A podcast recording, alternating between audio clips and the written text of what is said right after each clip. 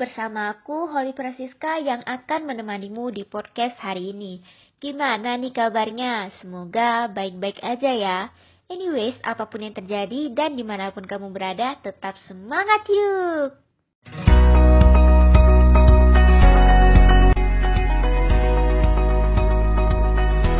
Di podcast kali ini, kita akan membahas tentang toleransi dalam kebebasan berekspresi. Ngomongin tentang kebebasan berekspresi, apa sih definisi dari kebebasan berekspresi? Kebebasan berekspresi atau freedom of expression merupakan salah satu bagian dari hak asasi manusia. Sebelum kita bahas tentang kebebasan berekspresi, ada baiknya kita bahas dulu nih terkait hak asasi manusia.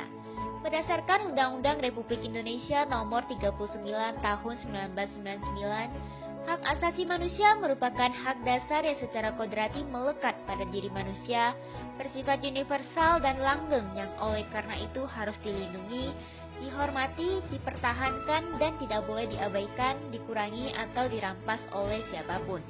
Jadi, kebebasan berekspresi berarti setiap orang memiliki hak asasi untuk mengekspresikan diri mereka dengan bebas melalui media apa pun. Implementasi dalam kebebasan berekspresi dapat berupa tulisan, lisan, buku, diskusi, atau dalam kegiatan pers. Setiap warga negara secara sah dapat mengemukakan apa yang ada dalam pikirannya, baik berupa kebijakan publik yang dibuat oleh pemerintah maupun lembaga negara lainnya.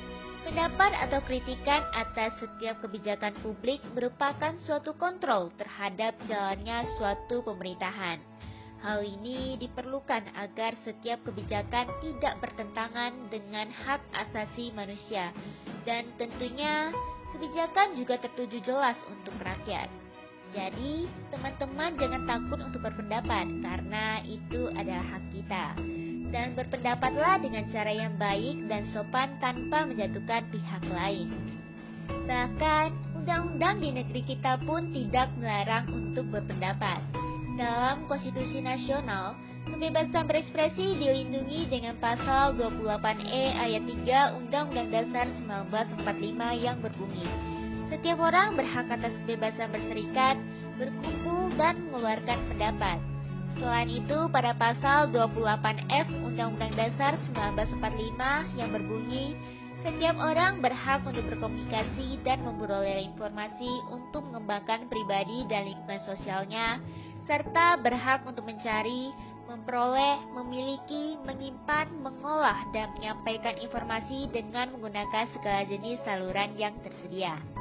Kedua pasal dalam konstitusi ini menegaskan cita-cita Indonesia menjadi negara hukum yang berkedaulatan rakyat dan menjunjung tinggi hak asasi manusia termasuk hak atas kebebasan berekspresi. Jadi, sudah jelaskan teman-teman bahwa di dalam diri setiap manusia telah melekat hak asasi untuk bebas berekspresi.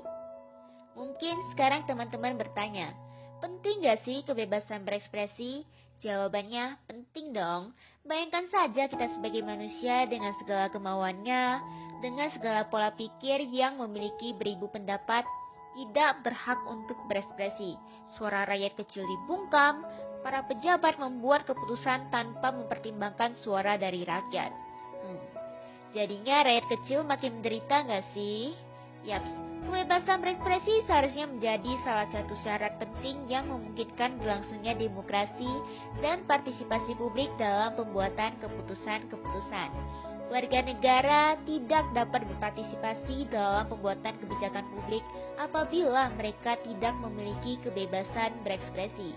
Indonesia sebagai negara yang demokratis dengan kedaulatan yang berada di tangan rakyat, perlindungan terhadap kebebasan berekspresi dan berpendapat seharusnya menjadi wadah untuk mendukung pengawasan, kritik, dan saran terhadap penyelenggaraan pemerintahan.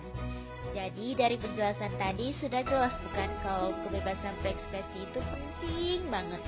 Kalau kebebasan berekspresi dilindungi, kita bisa menyampaikan mencari, menerima, dan membagikan berbagai macam informasi, mulai dari ikut webinar, kelas online, streaming serial, dan dokumenter favorit sampai baca berita dari media mancanegara.